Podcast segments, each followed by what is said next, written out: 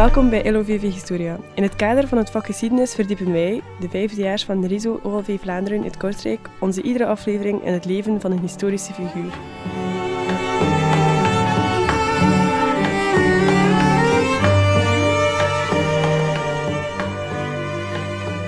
Deze aflevering hebben wij het over Sissi.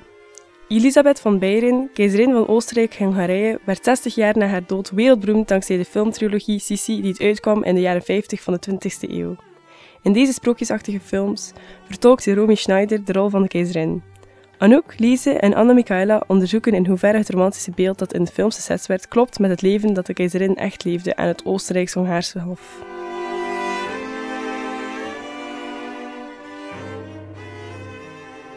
Iedereen kent ze wel, de romantische films over het leven van Elisabeth en Beirun, beter bekend als Sissi. Tijdens haar heerschappij werd ze geliefd door het volk, maar na haar tragische dood ontstond echter een ander beeld. Het beeld van een ongelukkige keizerin.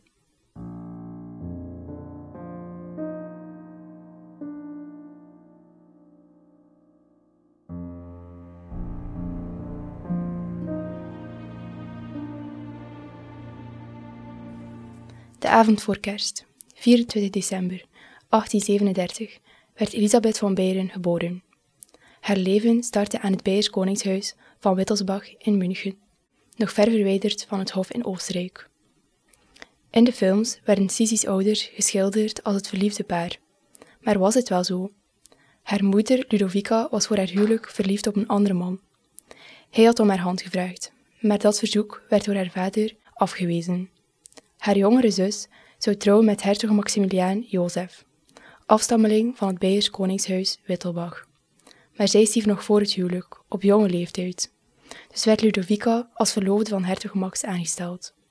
Ze kregen samen tien kinderen, waaronder een van hen, Sissi. Hertog Max kreeg als enige zoon een grote erfenis met vele buitenverblijven. Daarmee leidde hij een excentrieke levensstijl. Reizen en jagen waren er een groot deel van. Terwijl hertog Max een vrijheidslievend en excentriek leven leidde op de typische Wilsbach-manier, moest Ludovica alleen voor de kinderen zorgen. De moeder hield zich persoonlijk bezig met de opvoeding van haar kinderen. Zeer atypisch voor in adellijke kringen. Wanneer Elisabeth nog maar enkele weken oud is, vertrekt haar vader weer op reis. Dit is het begin van een reeks afwezigheden en teleurstellingen voor Sissi. Sissi was in haar jeugd een zacht, zwijgzaam en gevoelig meisje.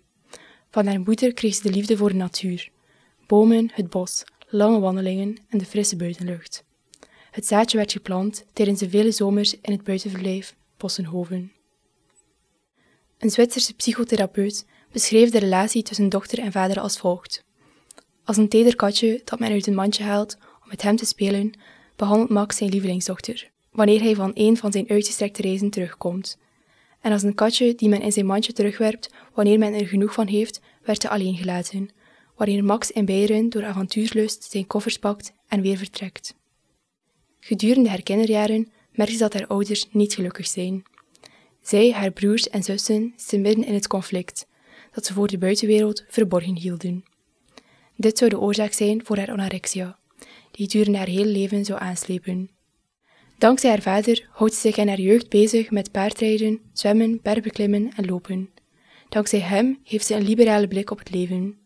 Haar opvoeding lag dus helemaal niet in lijn met haar toekomst als keizerin. Op een mooie zomerdag vertrok Sissi met haar oudste zus Helene en haar moeder naar het verjaardagsfeest van haar neef prins Frans Jozef. Helene zou de aandacht trekken van Frans en zo zou er misschien een huwelijk ontstaan.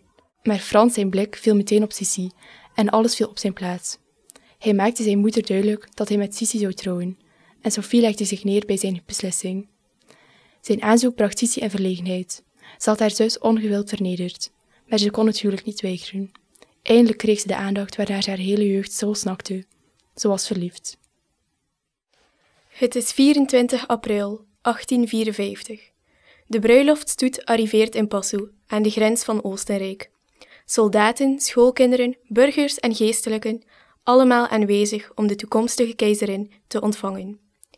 In het licht van 15.000 brandende kaarsen werd het huwelijk bezegeld in de Augustijnenkerk van Wenen.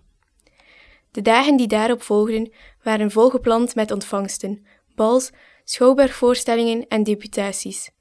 Sisi liet alles over zich heen komen, maar op de 28ste werd het haar te veel. Frans nam zijn jonge vrouw in bescherming en zei alle afspraken voor die dag af. Na alle feestelijkheden en zonder huwelijksreis begon haar nieuwe leven.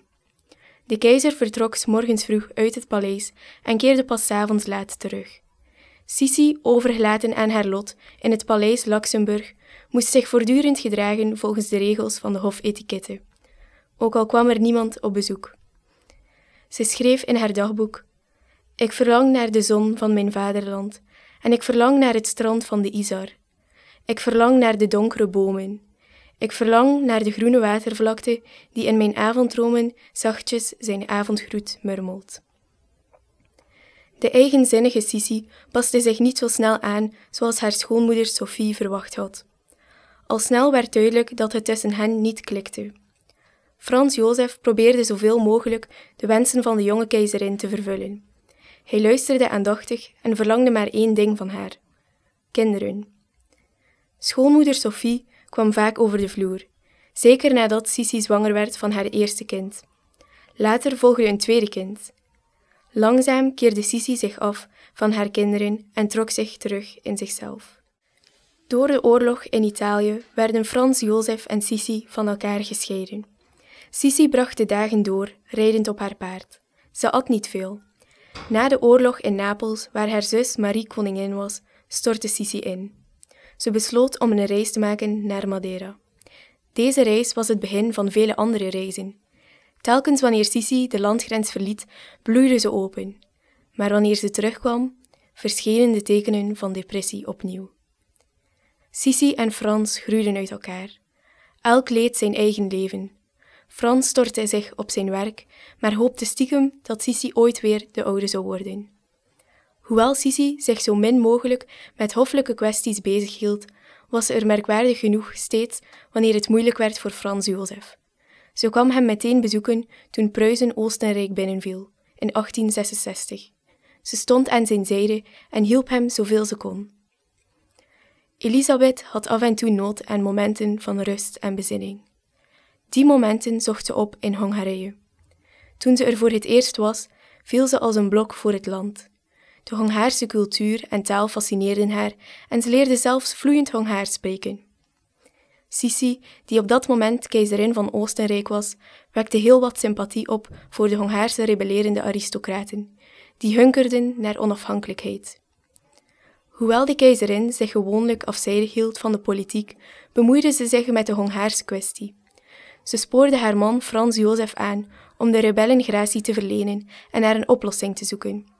En met succes, want met behulp van de Hongaarse Gyula Adrassi weet ze haar echtgenoot zover te krijgen Hongarije een eigen grondwet te verlenen.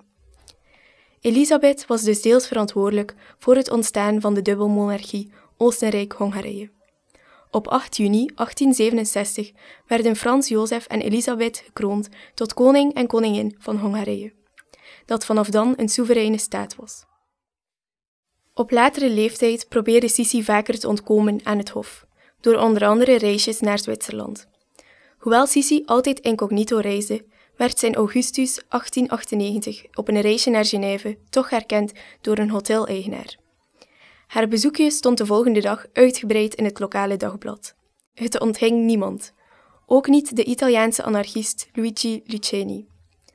Onderweg naar de haven, waar ze op de boot richting Montreux zou stappen, werd ze besprongen door Luceni, die haar met een harde duw omverwierp. Een aantal omstanders hielpen haar recht en de keizerin liep verder richting de boot. Maar vlak nadat ze aan boord gekomen was, zakte ze in elkaar. Haar hofdame bemerkte een kleine bloedvlek en een gaatje in haar hemd. Luceni had Sissi niet alleen omvergeduwd, hij had haar ook met een geslepen veil in het hart gestoken. En zo kwam de ongelukkige keizerin, Sissi, aan haar einde. Jaren heeft ze getracht haar plichten aan het Weense hof te ontvluchten, zoekend naar geluk. Ze vond dat geluk in Hongarije en werd er gekroond tot koningin, omdat mede dankzij haar Oostenrijk en Hongarije verenigd werden. Na de zelfmoord van haar zoontje stortte haar wereld in. Met slechts enkele ketenen die haar aan de aarde verbonden, treurde ze om haar verlies.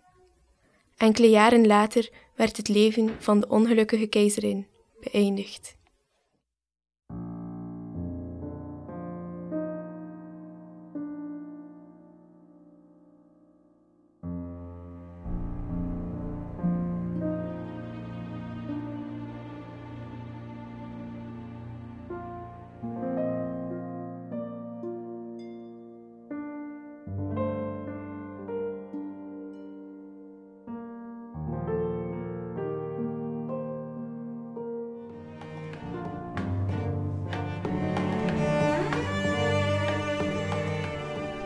Bedankt om te luisteren. Interesse in andere historische figuren? Beluister dan zeker de andere afleveringen van LOVV Historia op je favoriete podcastkanaal. Aarzel niet om de podcast te liken, je commentaar achter te laten of hem te delen met je vrienden en familie. LOVV Historia is een initiatief van RISO OLV Vlaanderen onder productionele begeleiding van Medialab Quindo.